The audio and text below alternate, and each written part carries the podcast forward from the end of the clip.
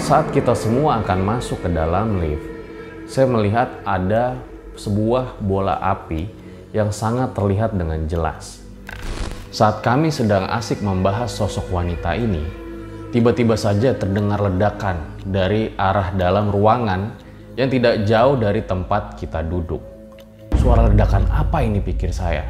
Ada yang tidak suka saya datang ke sini. Tutup mata kalian.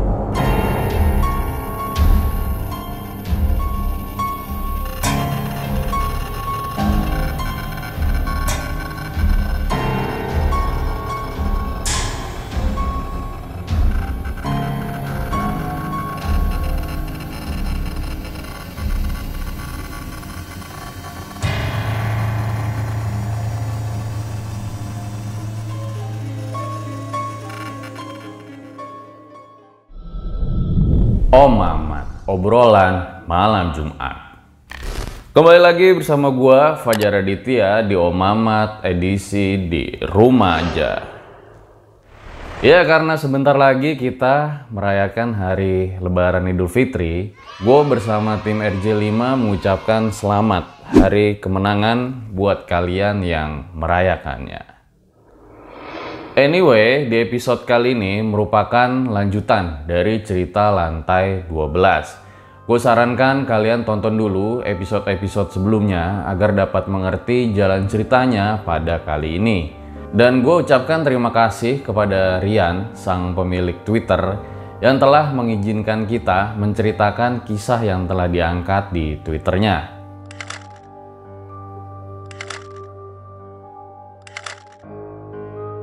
So, gue rasa nggak usah lama-lama lagi. Berikut adalah ceritanya.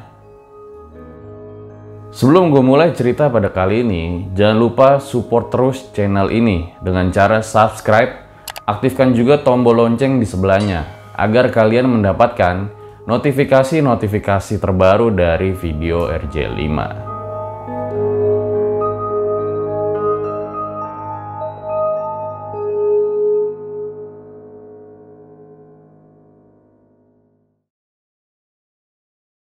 Ini adalah part terakhir. Akan ada beberapa kebenaran yang terungkap di sini. Hari ini adalah hari Sabtu. Layaknya perkantoran biasanya, ini adalah hari di mana semua karyawan libur. Mungkin hanya ada beberapa saja yang masuk di hari ini, termasuk saya.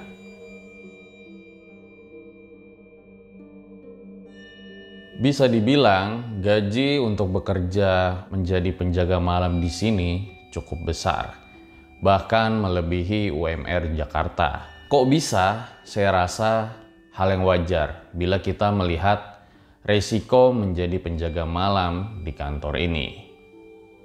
Setiap seminggu sekali kita dapat jaga hari Sabtu dan Minggu, seperti shift gitulah dan biasanya di minggu depannya kita akan libur.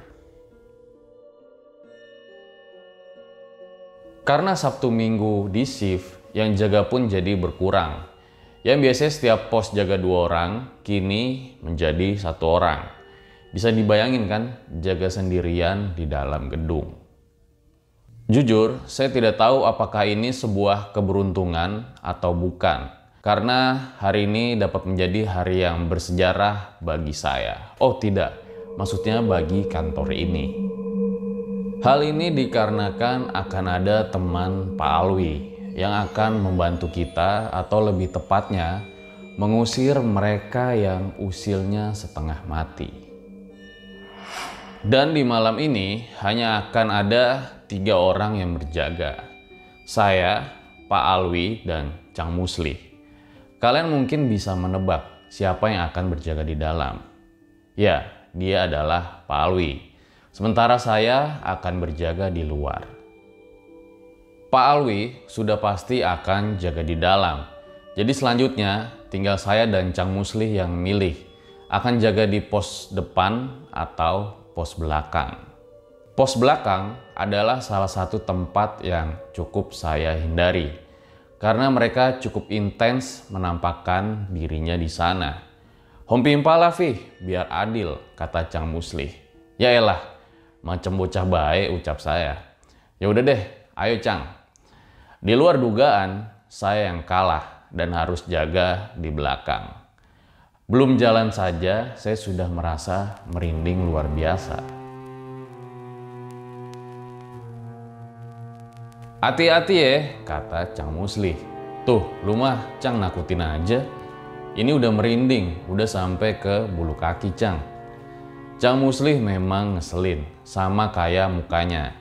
Terpaksa saya harus ke sana siapin mental, tapi ya mau bagaimana lagi.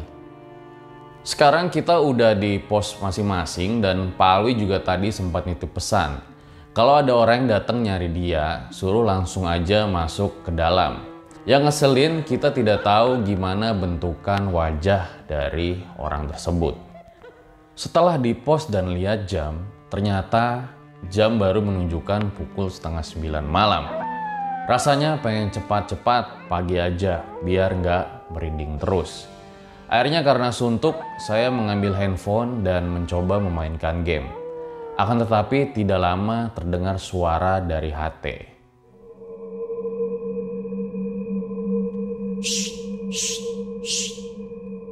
Kesel lah saya mendengar suara tersebut. Akhirnya saya ambil HT tersebut disertai dengan umpatan. Brengsek! Karena saya sudah merasa sangat emosi. Suara tersebut kembali lagi disertai dengan suara cekikikan. Seketika mata saya langsung tertuju ke HT tersebut dan langsung merasa merinding di sekujur tubuh. Percaya atau tidak, setelah suara cekikikan tersebut, suasana di dalam pos mulai berubah. Panas dan hawanya seperti mistis begitu. Jantung saya pun mulai berdetak dengan kencang dan saya mulai sedikit gelisah. Tolong ya, baru jam segini udah iseng aja, ucap saya. Sebenarnya kata-kata tersebut saya ucapkan bukan untuk menantang, tapi salah satu cara untuk menguatkan diri saya sendiri agar tidak ketakutan. Ya walaupun sebenarnya takut banget.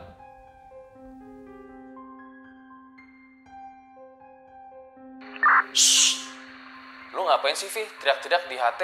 Berisik tahu nggak? Tiba-tiba Pak Alwi menegur saya. Gak gitu, Pak. Tadi siapa yang iseng mainin HT? Ketawa ala Mbak Kunti gitu. Nggak ada yang isengin, Vi. Musli, lu diem baik. Ngomong apa? kata Pak Alwi. Iya pak, gue kagak isengin juga, kata Cang Musli. Bisa ditebak seketika saya kembali terdiam. Lantas siapa yang ketawa lucu tadi di HT tersebut? Ah, sudahlah. Harusnya saya paham kalau kita pasti diisengin sama mereka. Mungkin sayanya aja yang terlalu parnoan. Baca-baca Vi, saran dari Pak Alwi. Iya Pak, saya coba diam sejenak, menangin diri, walaupun tidak terasa, keringat sudah memenuhi dahi saya.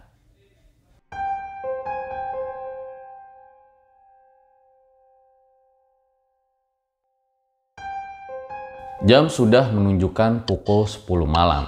Sebenarnya saya penasaran, kira-kira teman Pak Alwi akan datang jam berapa?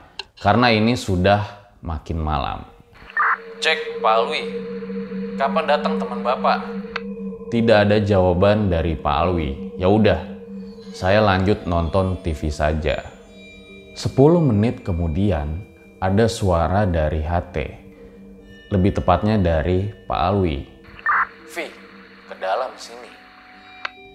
Saya merasa ada yang aneh karena suara Palwi agak sedikit berbeda dari biasanya. Sedikit agak lirih.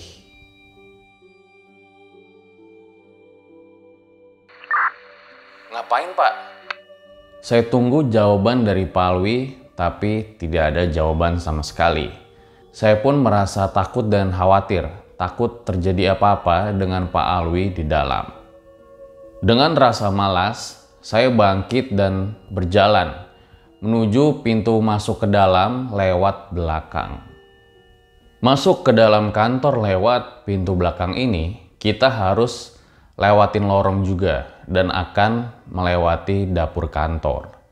lalu akan tembus ke pos jaga di depan lift. Saat saya buka pintu kaca, saat sedang fokus membuka kuncinya, saya ngeh seperti ada yang lewat di depan saya. Walau saya tidak lihat ke depan, akan tetapi kesadaran saya seperti melihatnya. Saya merasa ada suatu bayangan yang lewat dengan cepat. Di situ pun saya langsung kaget dan setelah lihat ke depan ternyata tidak ada apa-apa. Saya cuma bisa geleng-geleng kepala saja. Memang makhluk-makhluk di sini sudah sangat keterlaluan. Akhirnya saya pun berjalan menuju pos di dalam tempat Pak Alwi berjaga. Pak, kenapa Pak? Sengaja saya teriak agar tidak takut dan hening ketika melewati lorong tersebut. Akan tetapi tidak ada juga jawaban dari Pak Alwi. Ke mana Dani aki-aki ucap saya dalam hati. Saat saya sampai di meja jaganya, ternyata Pak Alwi tidak ada di tempatnya. Saya pun bingung, ke mana ini dia? Saya pun coba ambil HT di belakang kantong celana saya Coba pantau lagi keberadaan Pak Alwi. Monitor Pak Alwi, Bapak di mana? Dan di situ saya pun kagetnya setengah mati.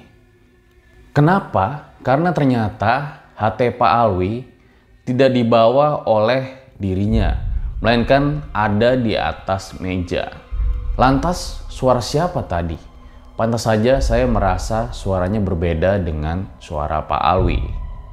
Di situ pun badan saya langsung terasa lemas, selemas-lemasnya, dan saya duduk di meja jaga Pak Alwi. Suasana pada saat itu saya lihat sepi, sunyi, dan gelap. Saya tidak tahu di mana Pak Alwi berada. Karena tidak ada apa-apa, lantas saya kembali ke pos jaga dengan sedikit kesal. Karena lagi-lagi saya telah disengin oleh mereka. Ketika sedang berjalan, tiba-tiba saja saya berhenti di depan dapur kantor. Bukan tanpa sebab, bukan cari-cari masalah. Akan tetapi karena saya mendengar dengan samar suara gelas yang berbenturan dengan suara sendok. Lebih tepatnya, seperti ada yang sedang mengaduk sesuatu. Jujur saya takut, tapi saya pun penasaran. Sangat penasaran. Yang bikin saya takut dan merinding adalah lampu dapur tersebut dalam keadaan mati dan posisi pintu dalam keadaan sedikit terbuka. Dalam hati mulai gelisah. Saya takut tapi juga penasaran.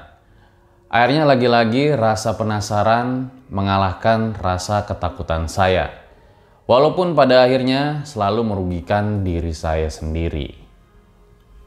Perlahan saya berjalan ke arah dapur, suara itu masih ada, samar-samar.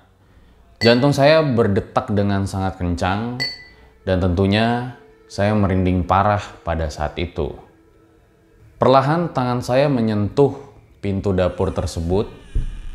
Pandangan mata saya tertuju kepada dapur yang berada dalam kondisi yang sangat gelap. Akan tetapi saya melihat sesuatu di dapur tersebut. Sebuah bayangan hitam pekat. Hitam seperti berbentuk manusia. Pintu dapur pun terbuka dengan perlahan. Saya tidak melihat bayangan itu lagi dan saya pun tidak melihat bayangan tersebut pergi ke arah mana. Senter sudah siap di tangan dan saya arahkan ke dalam. Di sini, saya benar-benar merasa sangat merinding. Karena ternyata tidak ada siapa-siapa di dalam dapur. Sinar senter saya mengarah ke suatu gelas yang berada di atas meja. Saya cari saklar lampu dan saya nyalakan. Lagi-lagi keanehan saya alami hal-hal yang sangat di luar nalar saya. Percaya atau tidak, saya tidak peduli. Yang anehnya, pada saat itu saya melihat ada gelas dan sendok di atas meja tersebut. Dan yang lebih anehnya lagi, di dalam gelas tersebut terisi oleh air panas. Ya Allah, kenapa sih kalian iseng amat? Ucap saya dalam hati. Bagaimana mungkin tidak ada orang di dapur, akan tetapi ada gelas berisikan air panas di atas meja tersebut. Saya nggak mau lama-lama di situ karena udah bener-bener nggak kuat nahan merinding. Saya matiin lampu dan langsung keluar menuju pos jaga. Masa bodoh dengan itu gelas. Dipikirin pun nggak akan nemu jawabannya. Sesampainya di pos, saya pun langsung duduk dan ambil nafas dalam-dalam. Ini kantor lama-lama kayak rumah setan, ucap saya dalam hati. Minum air putih dulu biar tenang, tapi tetap aja kepikiran sama gelas itu. Kalian tahu, jaga di sini itu serba salah. Hening salah, digangguin pun salah. Karena sampai pukul 11, belum ada satupun gangguan yang berbentuk fisik dari mereka. Hal tersebut sungguh sangat membuat saya curiga. Tapi ternyata apa yang dipikirkan saya salah besar. Saat saya sedang asik nonton TV, tiba-tiba saja terdengar suara ledakan yang sangat besar dari atas gedung. Siapa yang tidak kaget dengar suara ledakan besar malam-malam? Saya pun berpikir takutnya ada gas yang meledak dari arah dalam kantor. Saya pun langsung berlari keluar pos setelah mendengar suara ledakan tersebut. Saya berani sumpah tidak ada asap sama sekali pada saat itu. Tapi yang saya lihat adalah sosok yang sangat mengerikan. Saat saya melihat ke atas, saya melihat ada sosok yang berdiri di atas gedung paling atas. Sosok besar yang tidak masuk akal.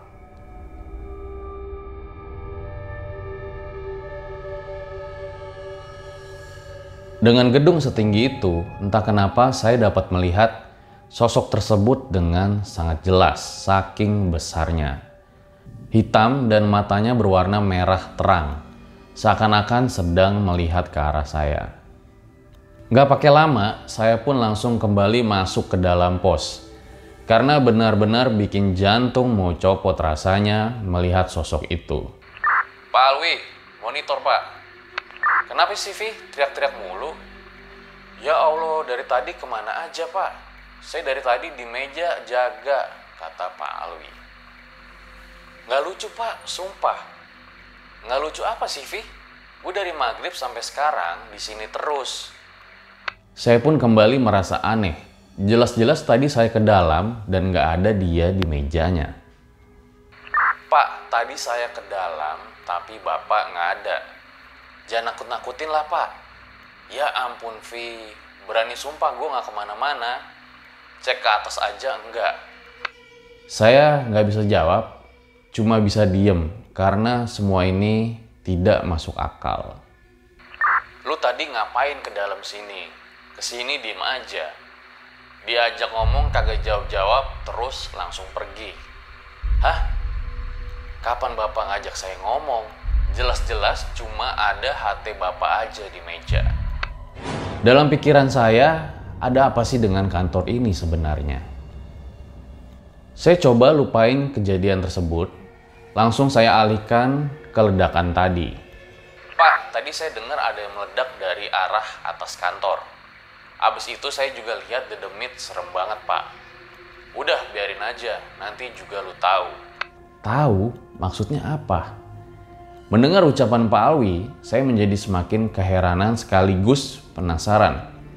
Heran, gak manusianya gak ada demitnya, di kantor ini suka bikin orang jadi penasaran.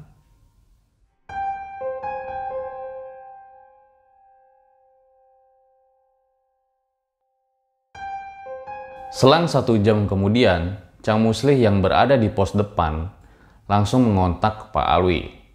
Pak, monitor. Ini ada temennya baru datang. Suruh masuk aja ke dalam, Slay. Cang Musli pun langsung mengantar temannya Pak Alwi tanpa basa-basi. Saya pun turut ke dalam juga karena penasaran seperti apa bentukannya teman dari Pak Alwi tersebut. Pos jaga pun saya tinggal. Bukan cuma karena kepo, tapi karena udah emosi aja. Selalu dikerjain sama dedemit kampret ini. Loh, lu ngapain ke sini kadal? Kata Cang Musli. Ya elah Cang, saya juga pengen tahu sebenarnya ada apaan sih di kantor ini. Cang Musli tidak menjawab. Mungkin rasa penasarannya sama seperti saya. Setelah saya lihat temannya Pak Alwi, kaget dan tidak nyangka. Ternyata dia masih muda. Bahkan lebih muda dari saya. Tapi kalau soal ilmunya, jangan ditanya. Jadi gimana? Bisa lu bersihin kantor ini? Bisa, tapi saya butuh bantuan dari kalian. Semua langsung terdiam, ragu antara mau atau tidak. Bantu gimana bang maksudnya? Saya pun penasaran. Bantu doa aja, ini udah bukan permasalahan sepele lagi. Maksudnya? Belum selesai menjelaskan, tiba-tiba kembali ada suara ledakan dari luar kantor. Kami pun langsung bergegas keluar untuk mencari sumber suaranya. Saya dan Cang Musli ke arah luar kantor dan Pak Alwi serta temannya fokus melihat ke arah atas gedung kantor. Kalian nyari apaan? Tanya Pak Alwi. Sumber suaranya pak. Noh di atas. Gak bisa dilihat pakai mata biasa tong, ucap Pak Alwi. Untuk teman Pak Alwi, kita sebut saja dengan Bang Dwi. Ini bakal lama selesainya, ucap Bang Dwi. Kita semua cuma bisa diem, gak paham apa maksudnya itu. Hanya saja, raut wajah Bang Dwi ini sudah mulai serius. Bang Dwi pun langsung mengajak kita semua ke dalam gedung. Tidak lupa seluruh gerbang kita kunci dahulu agar tidak ada maling yang masuk. Sementara itu, Bang Dwi mempersiapkan sesuatu yang saya pun tidak tahu itu apa. Ambil wudhu dulu kalian, ucap Bang Dwi. Oke lah, di sini sekarang dia bosnya, kami pun menuruti. Sepertinya ini akan menjadi malam yang panjang. Setelah semua persiapan selesai, Bang Dwi langsung mengajak kita ke lantai 12. Jujur, dari awal kedatangan dia, nggak ada satupun yang ngasih tahu kalau di lantai itu jadi momok yang menakutkan buat saya. Mungkin buat yang lain juga. Saya pun berbisik kepada Pak Alwi karena penasaran. Pak, ngasih tahu kalau lantai itu serem. Kagak, tanpa dikasih tahu juga bakal tahu sendiri dia Vi. Loh, kayak mana caranya saya bingung. Perlahan lift menuju lantai 12. Saya dan Cang Muslih berada di belakang Bang Dwi dan Pak Alwi. Salah satu dedengkotnya ada di lantai ini nih, ucap Bang Dwi. Saya langsung lihat nomor lantai lift dan itu ternyata di lantai 10. Ting, pintu lift terbuka. Baru mau melangkah, Bang Dwi langsung menahan kita semua. Sebentar ya, jangan keluar dulu. Vi, tahan tombol pintunya, kata Pak Alwi. Yaelah pak, pegel kali kalau lama, Rewel lu ya, ucap Pak Alwi.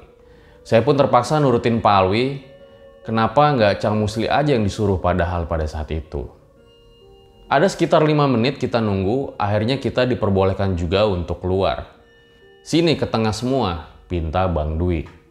Kita duduk membentuk sebuah lingkaran, saya nggak tahu mau apa, tapi saya nurut aja. Nih, kertas sudah saya siapin, dibaca ya sekarang. Saya lihat itu tulisan Arab. Bisa baca Cang, bisik saya ke Cang Musli. Kagak, ternyata mukanya doang yang alim. Saya pun memberitahu dia cara bacanya dan saya suruh apalkan. Udah baca semuanya, kami pun serempak menjawabnya dan segeralah dimulai. Jangan ada yang kabur, saya tidak akan bertanggung jawab kalau ada apa-apa ya, ucap Bang Dwi. Mendengar itu kami pun sedikit gelisah. Rasa takut perlahan menghinggap. Saya lihat ekspresi wajah Cang Musli mulai menunjukkan kegelisahannya. Saya akan mulai dengan wanita yang kamu lihat, ucap Bang Dwi sambil menunjuk ke arah saya. Saya kaget karena saya belum bercerita apa pun dengan dia. Cang Musli pun langsung melihat ke arah saya. Pak Alwi masih terlihat santai. Saya rasa Pak Alwi sudah menceritakan semuanya. Nggak mungkin Bang Dwi bisa tahu begitu aja. Wanita ini berumur 24 tahun. tipikal orang yang banyak diam. Bang Dwi pun diam sejenak seperti dia sedang mendengarkan sesuatu. Tidak, ternyata gestur badannya perlahan berubah. Saya lihat seperti ada sesuatu yang masuk ke badannya. Saya pernah lihat gestur seperti ini, seperti orang kesurupan. Benar saja, badan Bang Dwi sekarang agak sedikit kemayu dan perlahan menangis seperti suara wanita. Jahat ucap suara yang berasal dari Bang Dwi.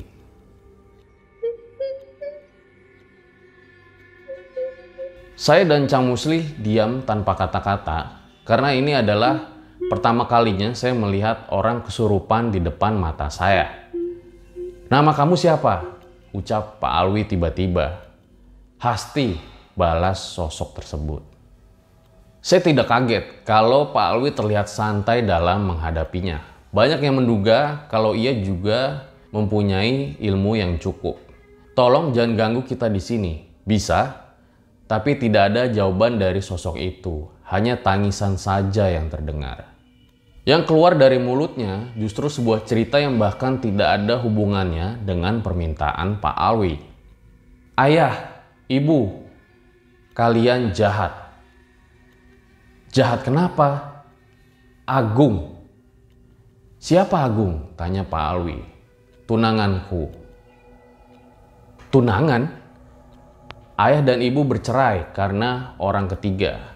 Terus, Agung pergi, aku depresi, aku menyesal. Awalnya saya tidak paham dengan maksud dari cerita sosok ini. Tiba-tiba saja sosok itu langsung menunjuk ke arah atas.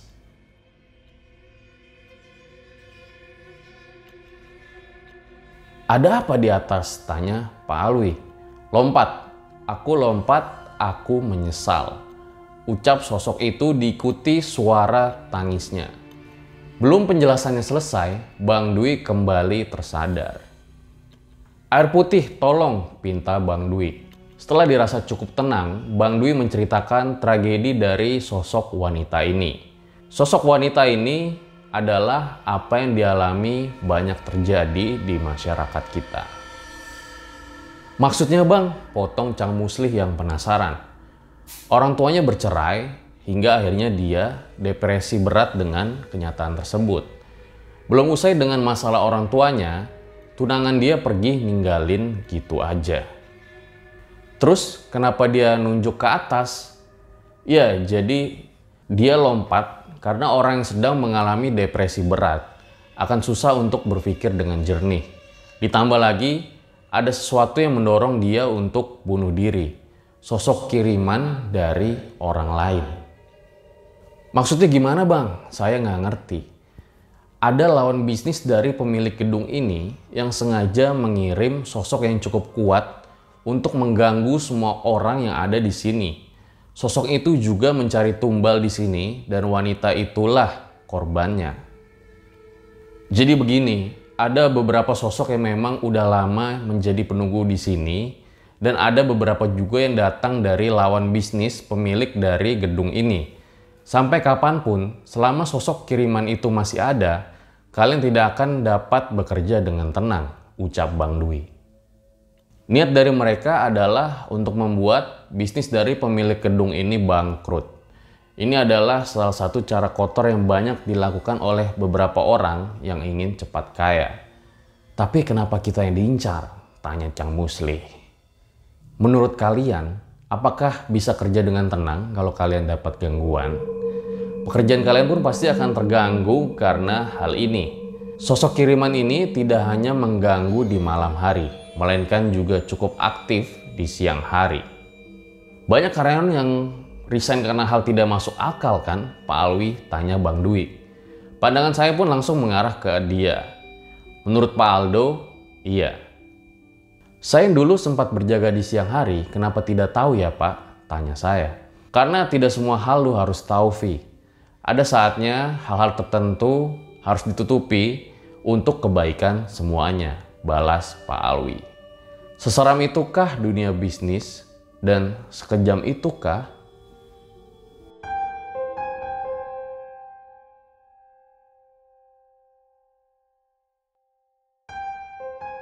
Saat kami sedang asik membahas sosok wanita ini, tiba-tiba saja terdengar ledakan dari arah dalam ruangan yang tidak jauh dari tempat kita duduk. Suara ledakan apa ini pikir saya? Ada yang tidak suka saya datang ke sini. Tutup mata kalian. Baca doa yang saya berikan. Ucap Bang Dwi. Saya pun langsung memejamkan mata dan membaca doa sekuat-kuatnya. Jujur saya takut, tapi biarlah ini menjadi pengalaman saya. Saya tidak tahu apa yang terjadi saat saya menutup mata, mungkin hampir 15 menit lamanya. Tiba-tiba ada suara seperti orang yang terjatuh di lantai. Saya penasaran dan membuka mata mencari sumber suara tersebut. Saya lihat sekitar, tapi ternyata tinggal saya sendirian yang berada di sini. Ke mana perginya Pak Alwi dan Bang Dwi? Cang Musli pun tidak kelihatan. Saya paniknya bukan main, karena siapa yang tidak takut di saat seperti ini? Saya menoleh ke arah belakang dan saya melihat ada tubuh yang sedang terkapar. Cang Musli, ucap saya dalam hati. Saya mau bangkit tapi takut. Teringat pesan Bang Dwi, kalau kabur dia tidak akan tanggung jawab kalau sampai terjadi apa-apa. Saya hanya bisa diam, keringat mulai membasahi tubuh saya. Saya kembali memejamkan mata bukan tidak mau menolong Cang Musli, tapi saya harus mementingkan keselamatan diri saya sendiri. Maaf Cang, ucap saya dalam hati. Hampir 10 menit saya terdiam. Tiba-tiba saja saya mendengar suara tawa khas Mbak Kun yang sangat memekikan telinga. Jujur saya sangat merinding dan takut. Takut kalau ketika saya membuka mata, Sosok tersebut berada di depan saya. Vi, lempar air putih. Tiba-tiba terdengar teriakan dari arah depan. Saya buka mata, ternyata Pak Alwi sedang membopong tubuh Bang Dwi yang terlihat sangat lemas. Saya pun langsung melempar air putih ke arahnya. Duduk di sini, Wi, ucap Pak Alwi. Saya melihat ada darah segar keluar dari hidungnya. Tangannya terlihat memegangi perut dia. Kenapa Bang Dwi Pak? Saya pun penasaran. Gak apa-apa, nanti aja gue ceritain, kata Pak Alwi. Untuk sementara, suasana sangat hening. Tidak ada suara sama sekali dari kita semua. Teman Bapak, tolongin teman Bapak itu sembari menunjuk ke arah Cang Musli. Saya pun langsung berinisiatif menarik tubuh Cang Musli. Setelah merasakan tubuhnya cukup segar, Bang Dwi menyadarkan Cang Muslih yang terlihat pingsan. Ini akibatnya jika keluar dari pagar gaib yang sudah saya buat. Sudah jelas banyak sosok yang sedang mengepung kita, ucap Bang Dwi. Apa sudah selesai bang? Tanya saya yang penasaran. Belum, sosok ini terlalu kuat. Saya tidak bisa melawannya, Tak lama, Bang Dwi langsung meminta kita semua untuk langsung turun.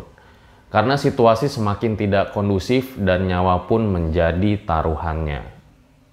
Saat kita semua akan masuk ke dalam lift, saya melihat ada sebuah bola api yang sangat terlihat dengan jelas. Ini adalah pertama kalinya saya melihat bola api tersebut. Bang, ucap saya sambil menunjuk ke arah bola api itu. Biarin aja, ucap Bang Dwi.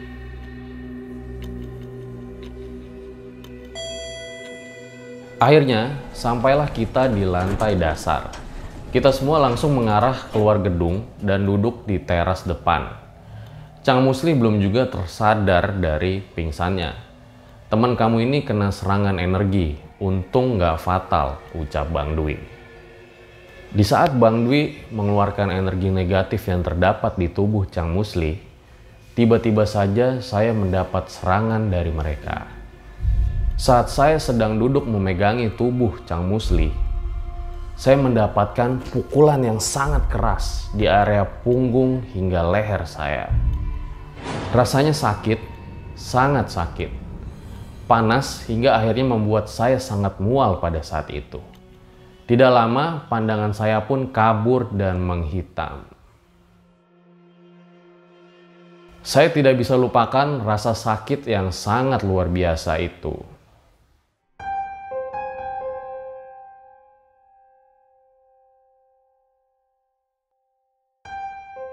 Iya, saya kembali pingsan lagi dan lagi. Tapi kali ini tidak bisa saya tolerir. Ini sudah sangat mengancam keselamatan saya. Untung saja di situ ada Bang Dwi dan Pak Alwi. Kalau tidak ada, mungkin saja saya sudah mati pada saat itu. Tahu berapa lama saya pingsan? Satu hari. Sangat tidak masuk akal kenapa saya bisa pingsan selama itu. Saat saya sadar, saya sudah berada di rumah sendiri, tepatnya di kamar saya sendiri. Di samping saya ada Ma yang sedang duduk dan terlihat matanya sembab, seperti habis menangis. Lu keluar aja ya dari tuh kantor, cari tempat yang lain, Vi. Emak gak tega lihat lu gini terus, ucap emak dengan sesegukan. Tapi mak, nyari kerjaan susah, Lu dengerin emak, Vi. Nyawa lu lebih penting. Kita masih bisa hidup dari dagangan emak. Siapa yang bisa tega melihat anak sendiri seperti ini? Ucap emak. Saat bangun pun, saya merasa punggung dan leher saya masih sakit. Rasanya seperti habis dipukul dengan sebuah balok yang keras. Mak, punggung sama leher Alfi sakit banget ini. Lu mau lihat, Vi? Ucap emak. Emak pun langsung mengambil sebuah kaca dan menyuruh saya untuk membuka baju. Nih, lu lihat. Ini alasan mengapa emak nggak mau lu lanjut kerja di situ. Saya pun penasaran dan langsung mengarahkan punggung saya ke arah kaca. Kaget bukan main dengan apa yang saya lihat. Punggung dan leher saya terlihat lebam. Pantas saja rasa sakitnya luar biasa. Gimana bisa sampai lebam seperti ini? Yang nganter Alfi kemarin siapa, Mak? Pak Alwi, Vi.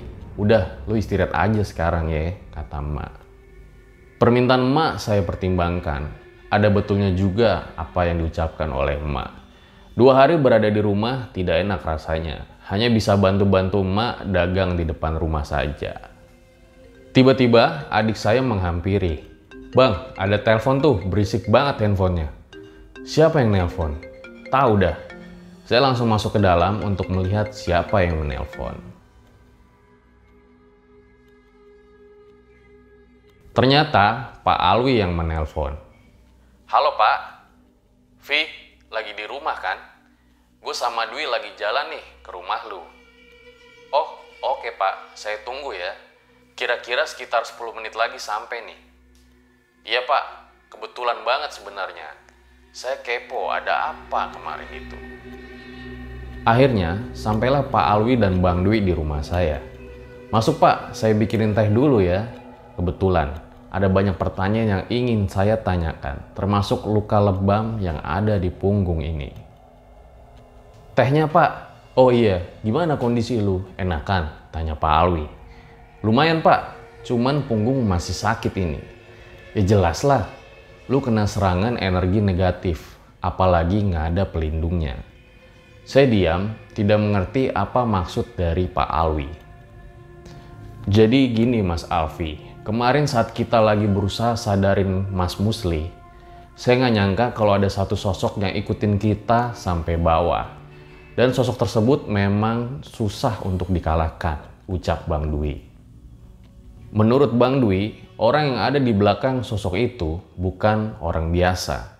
Ilmunya pun udah tingkatan tinggi, dan juga banyak sekali kiriman dari orang yang jadi lawan bisnis pemilik kantor. Ada juga yang tidak suka dengan kesuksesannya. Mereka ngelakuin berbagai cara agar pemilik kantor ini jatuh bangkrut dan bisnisnya rugi. Tapi sulitnya menggapai pemilik kantor ini sehingga kamilah karyawan yang kerap kali menjadi sasarannya. Pemilik kantor ini salah satu orang yang bermain cukup kotor juga. Jadi tidak aneh kalau banyak yang tidak suka sama dia. Tipikal orang yang seenaknya juga dengan siapa aja. Hingga akhirnya banyak yang tidak suka dengan dia. Begitulah penyebab kenapa kantor ini tidak bisa tenang. Selalu aja ada gangguan yang dialami. Saya mau resign aja pak, ucap saya. Pak Alwi dan Bang Dwi pun terdiam ketika mendengar ucapan tersebut. Bukan lo doang, gue juga, ucap Pak Alwi. Saya kaget, karena Pak Alwi sudah lama di kantor tersebut, tapi kenapa baru mau resign sekarang? Banyak yang kita bicarakan pada saat itu, namun intinya ada beberapa penjaga yang mau resign setelah kejadian malam itu. Saya hanya bisa menebak kenapa Pak Alwi mau ikutan resign juga pada saat itu. Mungkin merasa hal yang sama seperti saya, yaitu takut nyawanya terancam. Saat cerita ini dibuat, Alfi sudah resign dari kantor tersebut. Begitupun juga dengan Pak Alwi. Dan ada sedikit kabar, katanya juga ada beberapa karyawan yang ikut resign dikarenakan sering mendapat gangguan pada siang hari.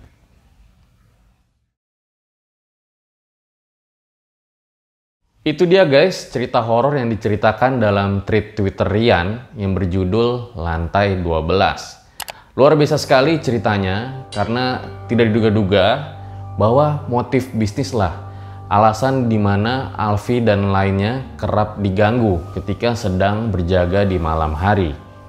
Cukup banyak pesan serta pelajaran yang bisa kita ambil dari cerita ini, di mana bisnis ketika sudah menggunakan cara-cara licik, kotor, tidak sehat seperti ini, tentunya hanya akan menyengsarakan di kemudian harinya.